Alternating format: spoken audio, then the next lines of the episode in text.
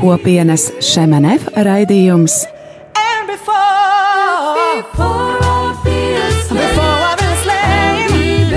Jaunais ceļš.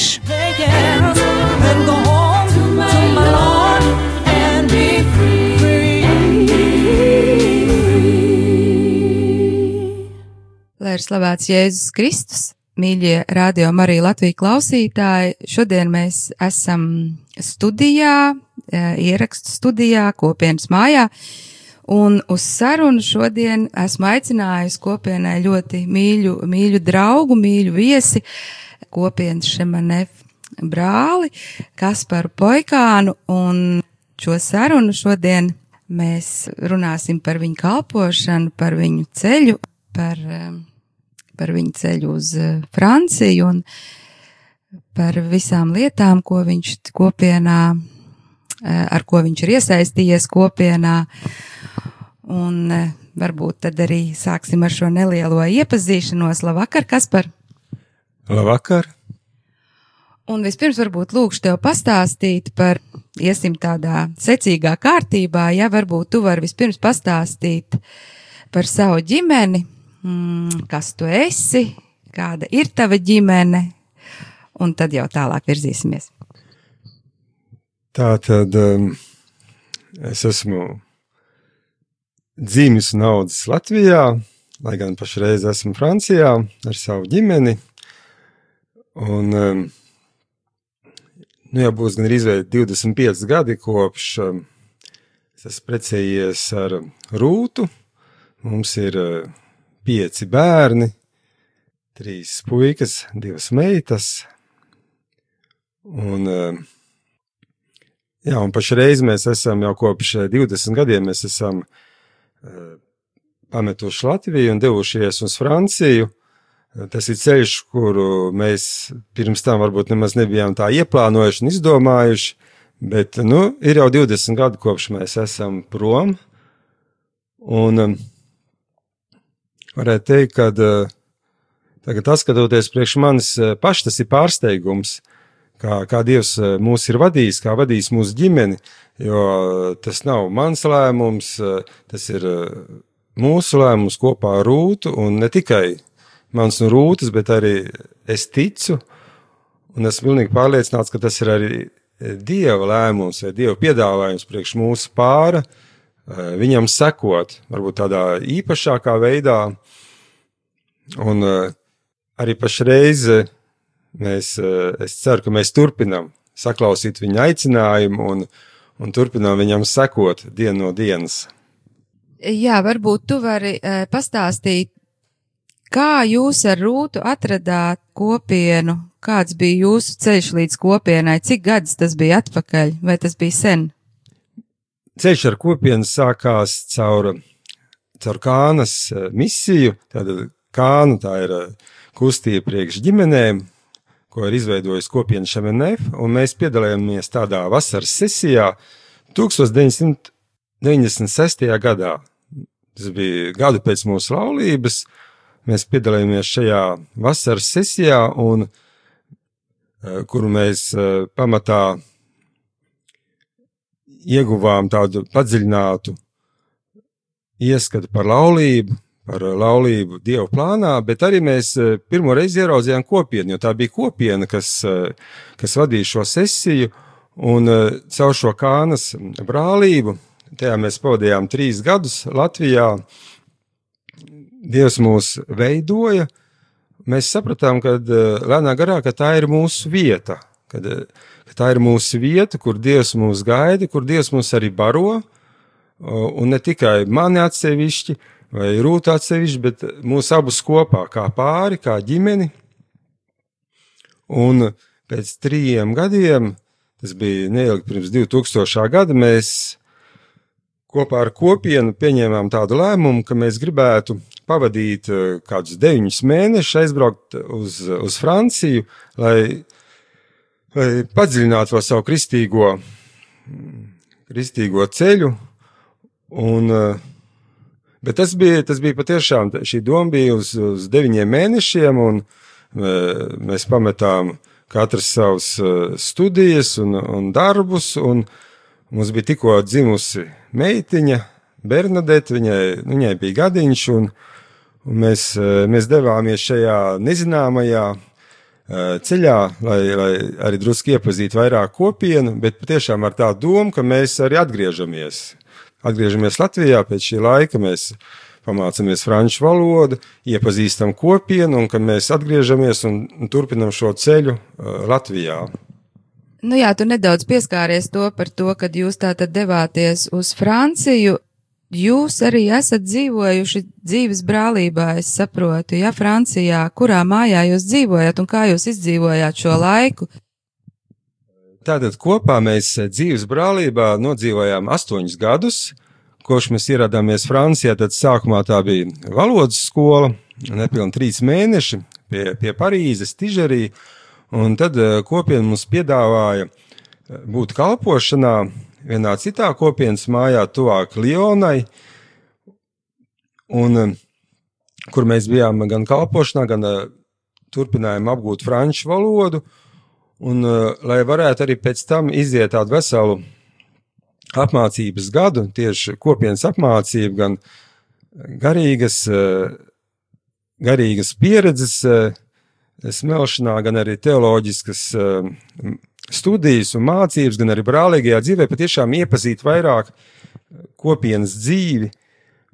Un pēc, pēc šī laika, pēc šī gada, tā tad, ja chronoloģiski ņemta, mēs tikām nosūtīti vai mums piedāvāja braukt kalpošanā uz Beļģiju, uz vien, vēl vienu studentu māju, kas piederēja kopienai pie Briseles, un, un šis bija patiešām tāds tāds skaists laiks, jo mēs tā pirmo reizi sākām, nu, mēs jau bijām kaut cik apguvuši franču valodu, mēs bijām izgājuši šo, šo gadu, šo, šo apmācību, un eh, šis bija tāds pirmais gads, kad mēs patiešām tā pilnesinīgi sevi devām kalpošanā. Kalpošana tā bija parasti tā diezgan vienkārši, ja tā var teikt. Tajā laikā mēs bijām, kā kopiena to saka, nāceretes uh, otrajā gadā tas, eh, tas ir laiks, kad mēs izšķiramies par kopienu, mēs turpinam izšķirties, klausīties Dieva balsī, kā Viņš mūs vada. Un, eh, un šajā laikā bieži ir tādi, tādi, tādas vienkāršas kalpošanas. Un eh, Rūda bija virtuves atbildīgā, es biju atkal atbildīgs par, par māju, par mājas remontiem, par apgādi, pārtikas iepirkšanu. Uh, Un šis bija tāds laimīgs laiks, kad mēs arī izdzīvojām šo brālīgo dzīvi kopā ar šiem studentiem, kopienas studentiem, kas, kas apguva teoloģiju.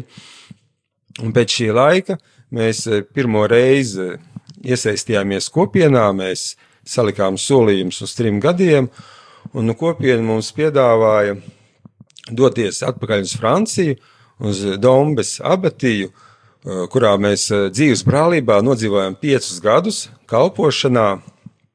Un arī šajā laikā kopieniem mums iezīmē jau tādas varbūt eh, tādas precīzākas misijas priekš mums, un viena no tām bija arī ikonu darbnīcas atvēršana abatijā, kur mēs uzsākām ikonu glezniecību, un tas ir ceļš, kurš joprojām arī pašreiz turpinās, Un arī otra varbūt no tādām eh, kalpošanām bija arī garīgā pavadība, kur mūsu kopiena jau piedāvāja iziet jau apmācību, un eh, lēnā garā mēs jutām, ka mēs esam arī vadīti šajā virzienā. Lai gan tajā brīdī, protams, tas vēl bija tāds ļoti mazs un kautrīgs sākums, un, un mēs jutāmies eh, mazi un nabadzīgi, bet, bet Dievs bija, bija uzticīgs šajā laikā.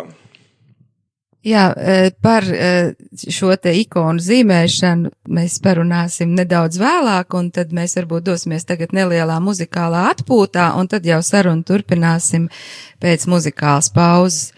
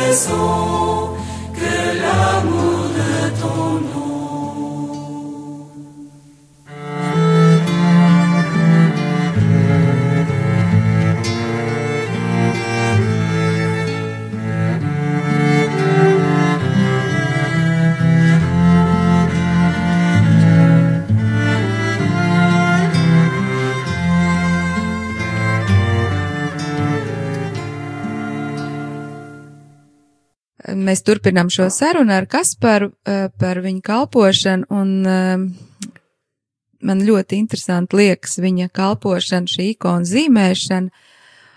Vispār laikam, kā ir pareizi ikonu zīmēšana vai ikonu rakstīšana, kā, un kā vispār notiek tā tava diena, kā jūs ar, es zinu, ka arī Rūte veido ikonas, ja, bet viņa laikam veido viņas no kaut kādām mozaikām, ja, pareizi. Varbūt tu vari sīkāk izstāstīt.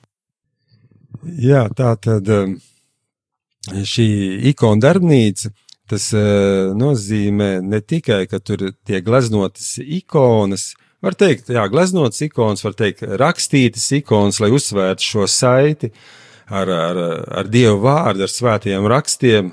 Tad var teikt, jā, mēs rakstam ikonas, bet arī pavisam normāli teikt ikonu gleznošana.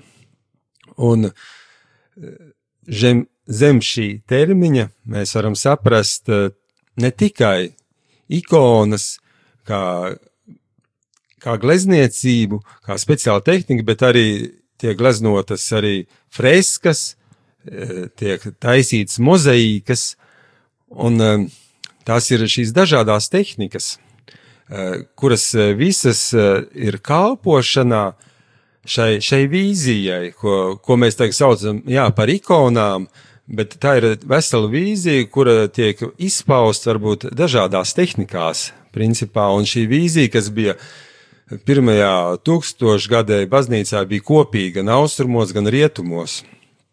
Un šis darbs darbnīcā ir, tā varētu teikt, pavisam vienkāršs, Mēs, mēs neesam kaut kur septītajās debesīs, un, un sevišķi tās varbūt tādos garīgos stāvokļos, laimīgos, bet es domāju, tas tāpat kā jebkurš, jebkurš darbs, arī šī, šī gleznošana, tas ir, tas ir darbs, un, un, protams, kad pirms mēs sākam gleznot ikonas, mēs, mēs lūdzamies, lai, lai Dievs ir klātesošs, lai svētais gars mūs vada, lai vada mūsu prātu, mūsu, mūsu, jā, mūsu rokas, lai mēs varētu patiešām kalpot Dievam, un mēs arī cenšamies palikt tādā Dieva klātbūtnē, kad mēs strādājam, ka mēs gleznojam ikonas, bet šajā procesā Nav tikai, nav tikai pati gleznošana, nav tikai arī, protams, lūkšana, kas mūs pavada, bet šajā procesā ir vairākas daļas, un, piemēram, pirmā daļa vispār ir tikai galdniecība, kur mēs sagatavojam ikonu, pēc tam ir šī koka pamata sagatavošana, kur mēs atkal pavadām kādas 4-5 dienas, jo tiek klātas kāds 12 vismaz grunts kārtas, uz šī, uz šī pamata. Un, uh, tas viss ir jau tāda, tāda sagatavošanās šai ikonai. Jo, piemēram, tajā momentā, kad mēs esam sagatavojuši šo, šo ikonu priekš gleznošanas, kad ir paveikta galdniecība, kad ir uzklāta šī grūns, eh, kas ir tādā baltā, skaistā krāsā, drusku marmorīga, ka viņi noslīpēti. Mēs sakam, ka tas ir tā kā altāris. Šī ikona, šis koks šo gruntu ir altārs, uz kuru mēs uzņemsim eh, Kristus seju, kur nāks Jēzus vai tieši gleznojot Kristus ikonu, vai gleznojot dievmāti ar Jēzus bērnu, vai ar visus pārējos sižetus, kas ir, eh, kas ir evaņģēlijā vai arī vecajā derībā. Jūsu šī darbnīca atrodas tagad Dombas abatijā, pareizi, ja? Un uh, jūs dzīvojat netālu no Dombas, tagad jūs tagad nesat dzīves brālībā, jūs dzīvojat ar savu ģimeni atsevišķā mājā, ja? Bet es arī zinu, ka jums ir, dar, jūs veidojat šīs darbnīcas, jūs tā kā esat arī tā kā, uh, jūs apmācat bērnus, nē? E, Jā, mēs pašreiz nedzīvojam pašā abatijā, mēs dzīvojam netālu no viņas, jo mums likās vienu brīdi, kad, e, kad būtiski ir patiešām varbūt veltīt vairāk laiku mūsu, mūsu ģimenei. Mums bija būtiski patiešām, lai mēs veidojamies ar tālāk kā ģimene, jo mēs ilgu laiku bijām patiešām šajā dzīves brālībā un mēs veidojāmies kā uh, kopienas locekļi. Mēs iepazinām šo kopienu un mums, mums Dievs tālāk vadīja, lai mēs arī uh, veidojam vairāk tieši mūsu ģimeni. Mums likās, ka vislabākais veids šajā brīdī bija doties uz kvartāla brālību, Bet, kas attiecas uz uh, ikonu darbnīcu, jā, mums ir arī apmācība, mums ir uh, pāris, uh, pāris nedēļas gadā turpat Dombas abatijā, un šī apmācība ir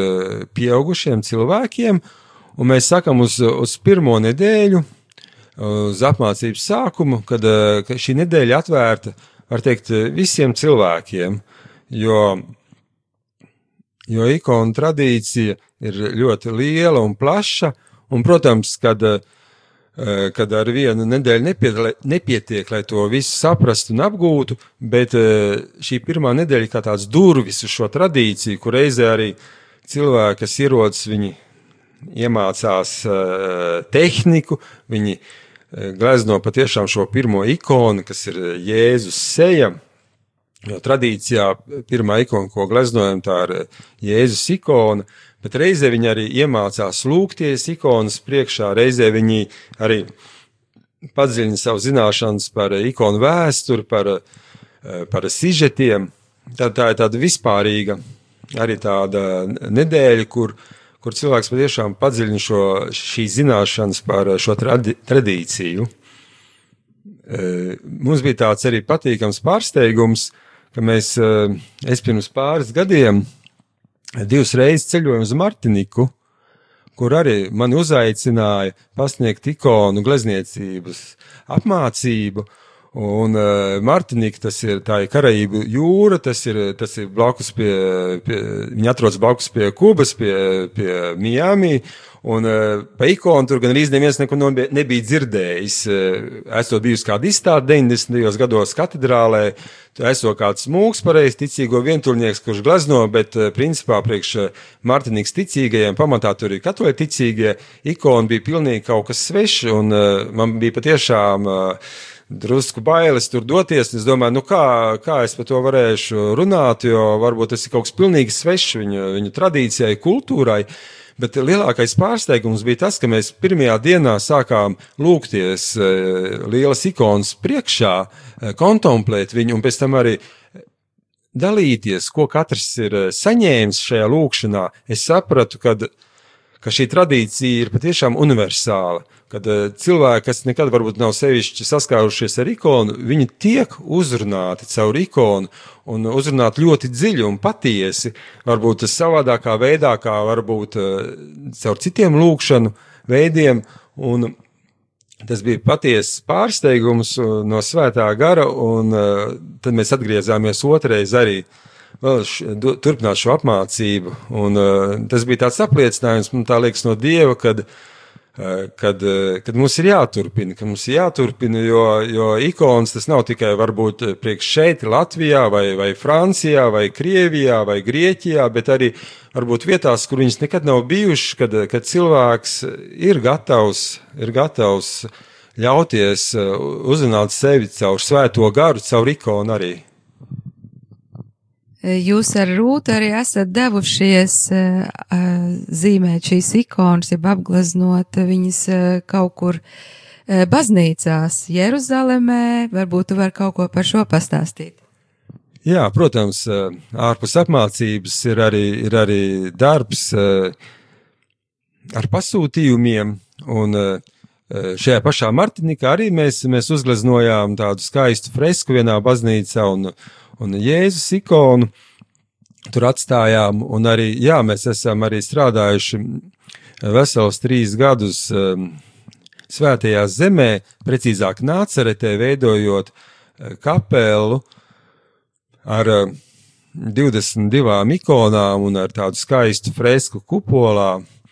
Un, uh, tā bija tāda arī skaista pieredze, jo nāceretā ir vieta, kur, uh, kur dzīvoja svētā ģimene, uh, Un eh, mums ar Rūtu arī bija tur būtiski būt un eh, arī divatā strādāt uz vietas un eh, izjust šo svētās ģimenes klātbūtni, šo ikdienu, varbūt ko viņi izdzīvoja. Mums tas baroja arī mūsu darbā, mūsu, la, mūsu pārattiecībās, mūsu laulībā, un arī nāca arī vieta, kur, kur eņģēlis Gabriels pasludina Marijai Jēzus ieņemšanu, un eh, priekš mums, kā ikonu gleznotājiem, tas ir ļoti būtisks moments, jo šajā momentā eh, vārds, Dieva vārds top miesa, un eh, arī mūsu darbs, gleznojot ikonas, pieskarās šim iemiesošanās noslēpumam, jo Dieva vārds, Bībeles vārds, kas ir Bībelē, mūsu lūkšana, viņa iemiesojās caur katru otras triepienu šajā ikonā, un sākumā patiešām tikai sagatavojot pamatni, nogruntējot, un pēc tam līniju pēc līnijas izvelkot, piemēram, kunga seju, kung, gleznojot kunga ikonu, mēs redzam, kā Jēzus iemiesojās, kā lēnā garā mēs viņu sākam atpazīt, un lēnā garā arī veidojas šis skatiens, skatiens uz mums, uz pasauli, Jēzus skatiens, un kā šajā skatienā parādās Dieva gaisma, kā parādās Dieva gaisma beigās visā sejā, un tā ir tāda patiesa arī tikšanās ar, ar šo noslēpumu, ka mēs gleznojam ikonas ar šo, ar šo Dievu vārdu, kas, kas iemiesojas, kas iemiesojas arī mūsos. Paldies, Kaspar. Tagad mēs arī nedaudz atpūtīsimies, un tad jau tālāk mēs runāsim pēc nelielas pauzītes.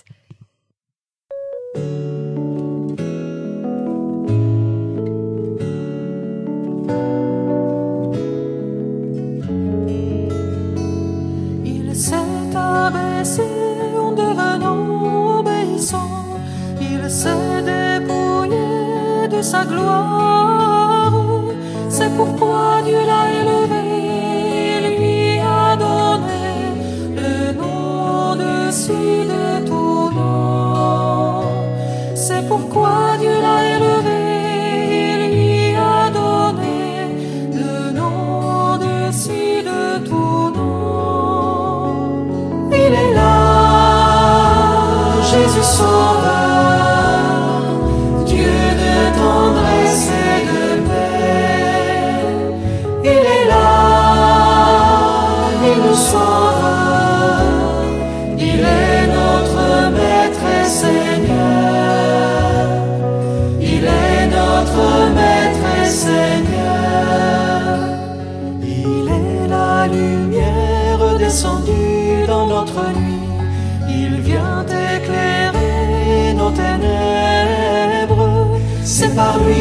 nous connaissons la fidélité, l'amour tendre de notre Dieu. C'est par lui que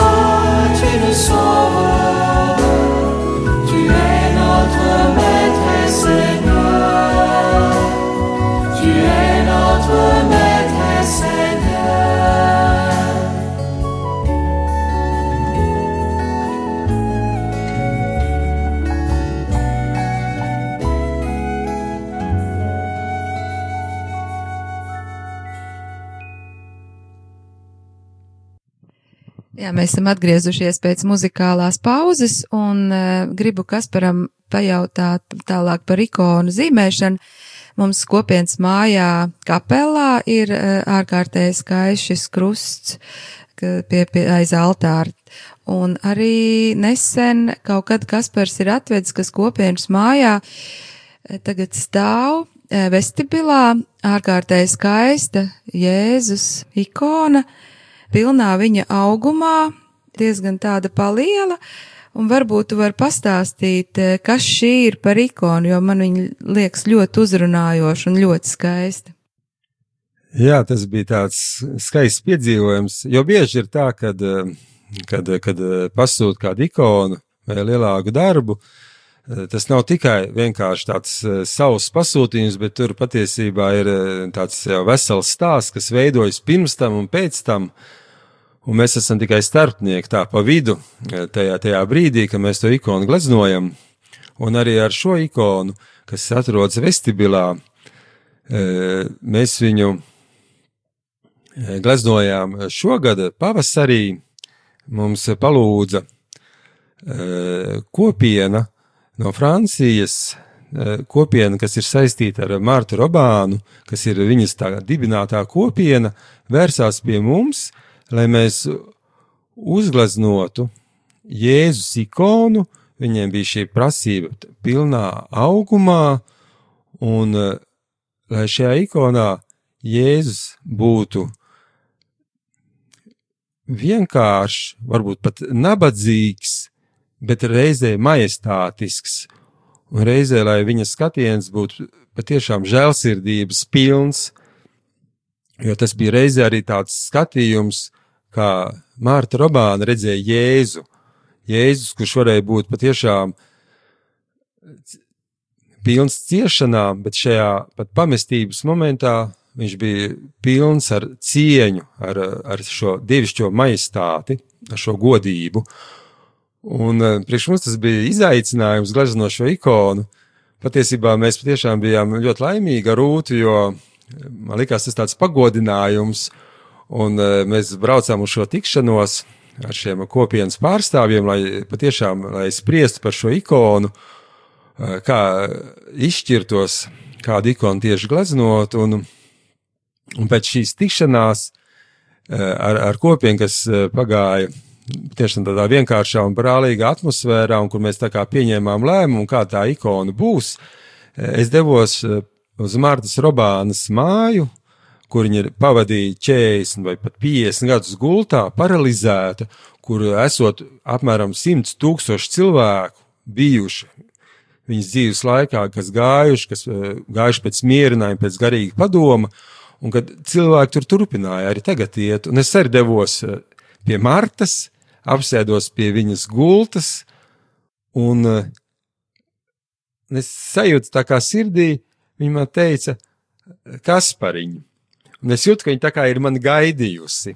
Gaidījusi, un, un tā es jūtu, jā, tur ir kaut kas īsts, un būs patiešām kāds notikums ar šo ikonu, un mēs uh, uzgleznojām šo ikonu, uh, kas ir uh, uz zelta fona, kas uh, liecina par Dievu godību, Dievu gaismu, Dievu spēku. Un uz šī fona ir Kristus maistātē. Viņš ir apsēdies uz šīs varavīksnes, ar uz godības, bet viņš ir sarkanā apmetnī, un caur šis sarkanais apmetnis eh, vietām atklāja arī viņa miesu. Viņa miesu, kas ir, var redzēt, kur viņš ir izcietis krusta ciešanas, kur ir visas piecas rētas klātesošas.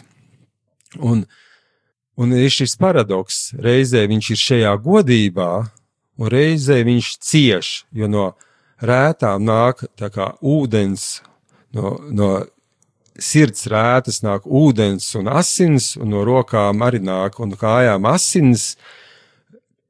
Un eh, liekas tā varbūt patiešām tā ļoti, varbūt skarbi, bet reizē ir šī, šis uh, Kristus, kurš ir godībā, Kristus karalis un jērs, jērs, kurš sevi atdod, kurš nodod sevi par katru no mums, un šīs rokas ir eh, viegli ieplestas, lai kā zīmē, ka viņš pieņem visus, kas nāk pie sevis, un pie viņa kājām ir tronis, uz kura viņš uzlicis uh, savus kājas, ir, un no kura tek ūdens. Tas ir šis uz, ūdens, kas, kas jau vecajā derībā, derībā Ezekiela grāmatā, par ko bija runa, ka viņš tecēja no tempļa un ka viņš deva dzīvību. Un tas ir šis Dieva žēlsirdības, Dieva svētā gara ūdens, visur, kur viņš plūst, viņš dod dzīvību. Ūdens paliek par ūdeni, kas, kas, nes, kas nes dzīvību un kas reizē arī aicina eh, skatītāju it kā arī ļauties šim ūdenim, mesties dziļāk šajā ūdenī, savā šajā Dieva žēlsirdības mīlestības ūdenī. Un uh, Pēc tam šī kopiena šo uh, ikonu nolika šajā bazilikā, kur vēl Marta Robāna dzīve esot, esot visu teikusi, tā kā ieteikusi arhitektam, kā viņi tieši grib, lai šī bazilika izskatītos, un viņiem bijusi tāda nedēļas nogale, kur visa kopiena, kas tur tajā reģionā bijusi, ir veltījusi veselu nedēļas nogali šai ikonai. Viņi gājuši viņas prieka, priekšā un lūgušies un lūguši šo Dievu žēlsirdību, katrs priekš sevis un priekš kopienas. Un, un priekš manis tas bija tas, kas bija negaidītais šajā. Un es patiešām sapratu pēc šīs liecības, pēc šīs nedēļas nogales, kad, jā, kad, ka laikam šī ikona bija tā, kas bija vajadzīga viņam tālāk, ka Marta patiešām ir gribējusi priekš savas kopienas.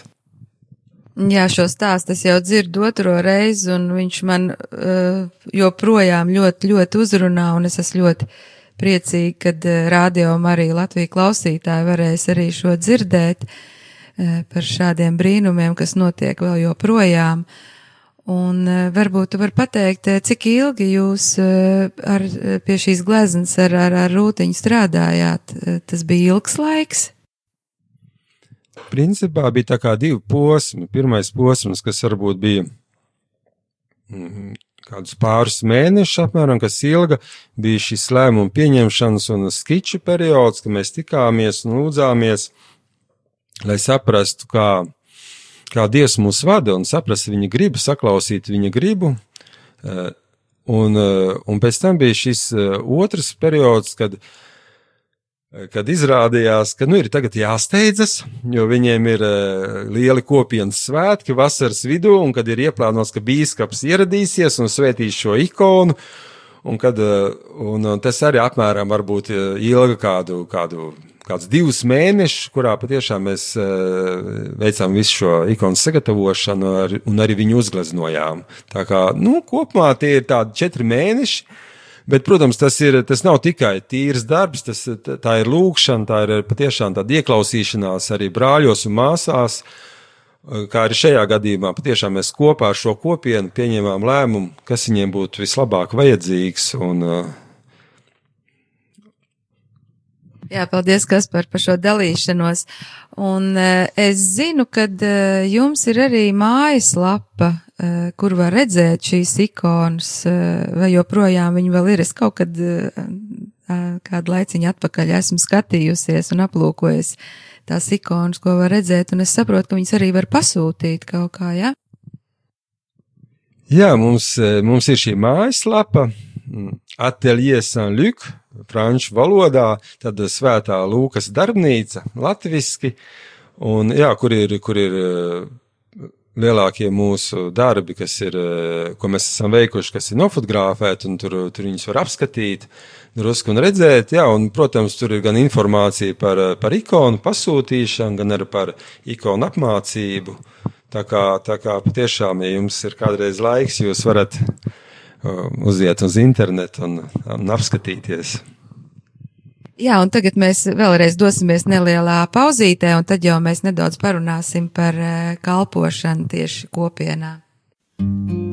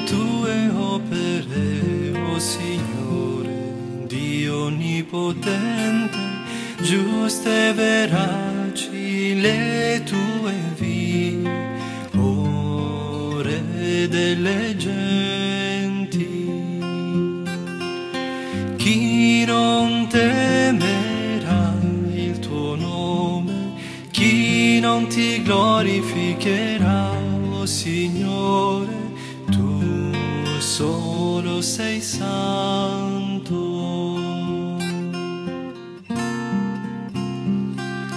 Tutte le genti verranno a te, Signore, davanti a te, si prostreranno perché i tuoi giusti giudizi si sono manifestati. Chi non temerà il tuo nome, chi non ti glorificherà, o Signore, tu solo sei santo.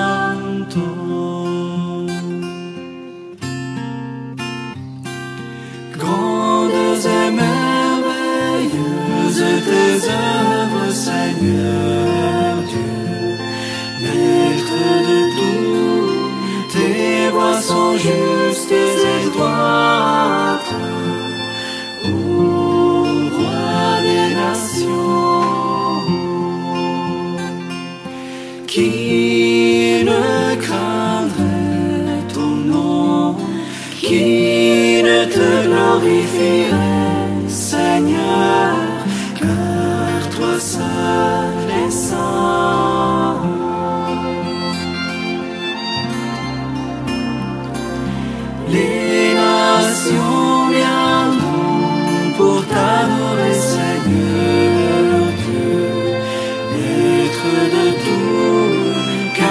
car tes justes jugements sont manifestés. Qui ne craindrait ton nom, qui ne te glorifierait,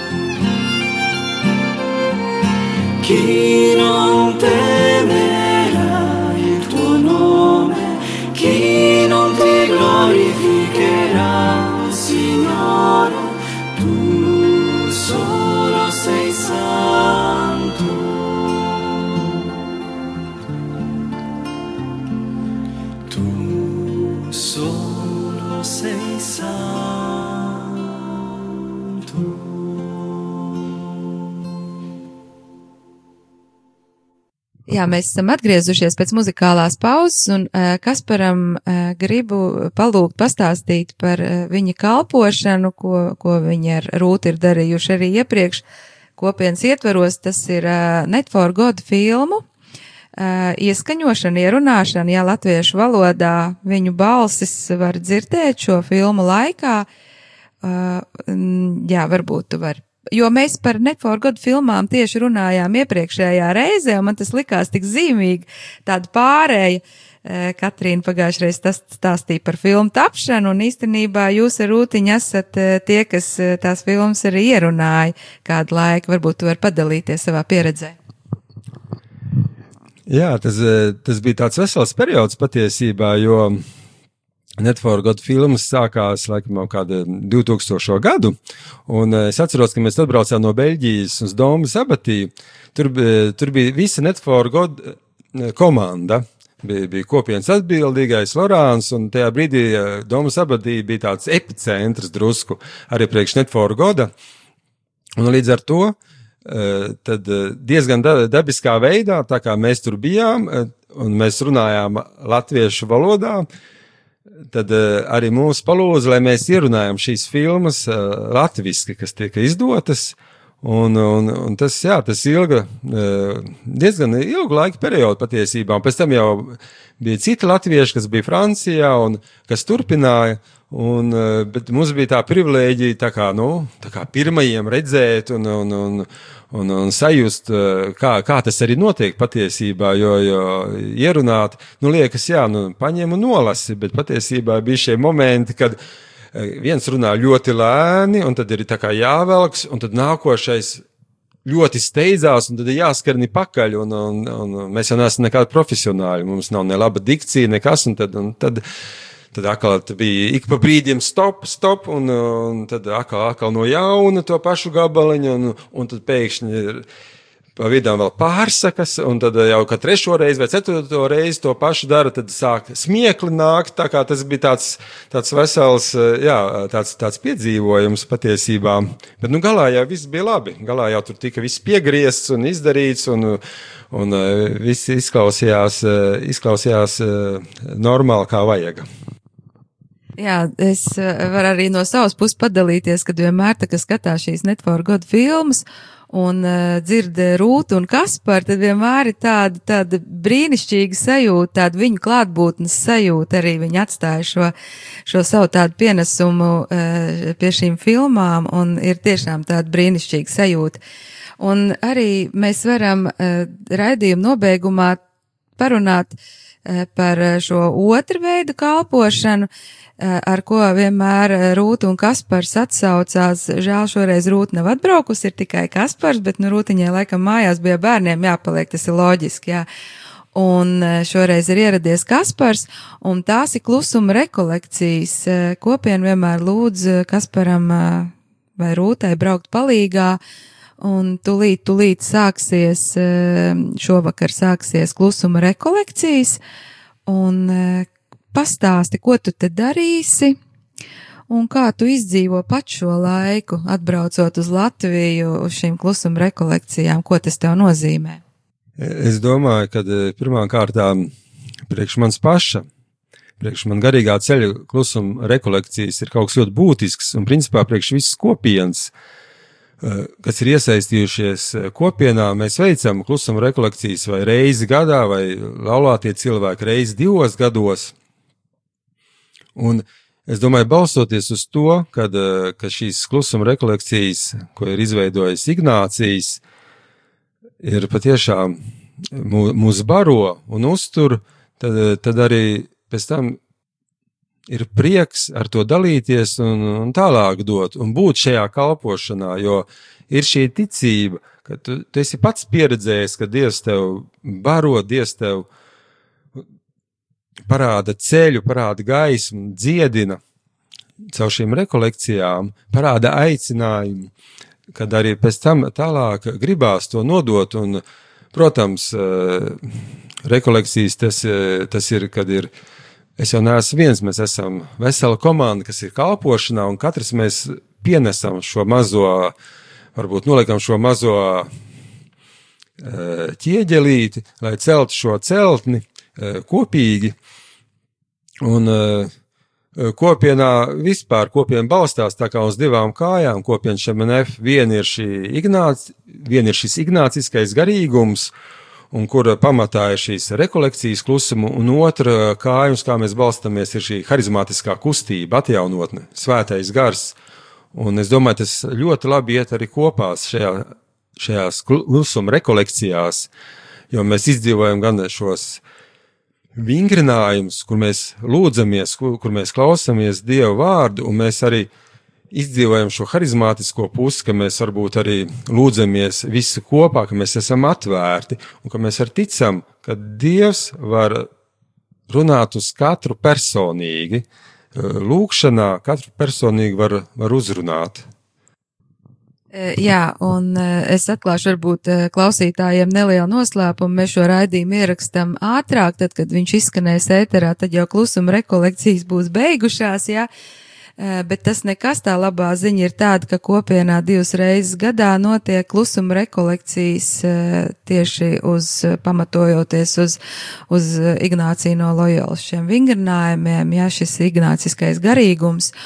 Un pavasarī liekas, kad viņas atkal būs, un, un jūs noteikti varat meklēt, meklēt informāciju nezinu, caur radio arī varbūt Latvijas starpniecība, eh, zvanīt kopienas atbildīgajam uh, Andim Smilgam, jautāt par uh, nākošām klusuma rekolekcijām, jo piedzīvotais uh, noteikti neatstāja nevienu vienaldzīgu, īpaši, īpaši pašus, ja, jo tas piedzīvotais, kas notiek klusuma rekolekcija laikā, ka tu apstājies, ieklausies un es tiešām tādā 24 stundas diennaktī ar, ar Dievu vārdu un, un tādā Dievu patvērumā, tas ir, tas ir ļoti, ļoti būtiski un ļoti vajadzīgs katram cilvēkam. Jā, un kas par e, varbūt kādu e, novēlējumu e, klausītājiem radio Marija Latvija, ko tu varētu varbūt? Es gribētu varbūt novēlēt radio klausītājiem vēl vairāk atvērties svētajam garam, teikt jā svētajam garam, teikt jā viņam katru dienu, jo tā ir nebeidzama dieva žēlastība, ko viņš dod pašreiz eh, katram no mums, lai mēs ietu pie kunga atvērties un uz viņu nebaidīties, jo ir vesels posms baznīcā, baznīcas vēsturē, kur mēs esam varbūt piemirsuši svēto garu, bišku tā kā nolikuši malā, tā kā mazāk svarīgu. Un atkal no jauna saprast viņu nozīmību un, un teikt patiešām, lai šis dzīvības ūdens, šis avots mū, sāka tecēt no mūsu sirds, lai viņš atdzīvina. Un uh, svētais gars darbojas no iekšienes. Viņš sāk no sirds, no cilvēka, no iekšējā cilvēka. Un tiešām atvērties, lai šis avots arvien vairāk jūs, jūs atdzīvina, atdzīvina katru un uz mīlestību, uz tuvāku mīlestību, uz, uz labiem darbiem, bet tieši lai tas sāks no caur svēto garu, ar atvērtību viņam. Liels paldies tev, Kaspar, par šo, par šo tavu atsaukšanos uz eh, šo sarunu. Eh, gribu novēlēt tiešām pēc šīs klusuma rekolekcijām tev svētīgu atgriešanos mājās, svētību jūsu ģimenei. Un eh, tiešām liels paldies tev ar Dievu. Paldies, uz redzēšanos! Mm.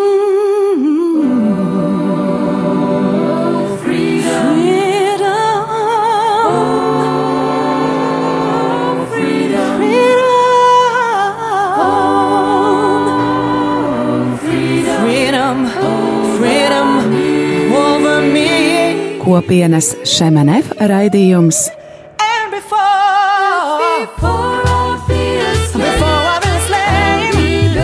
Jaunais ceļš.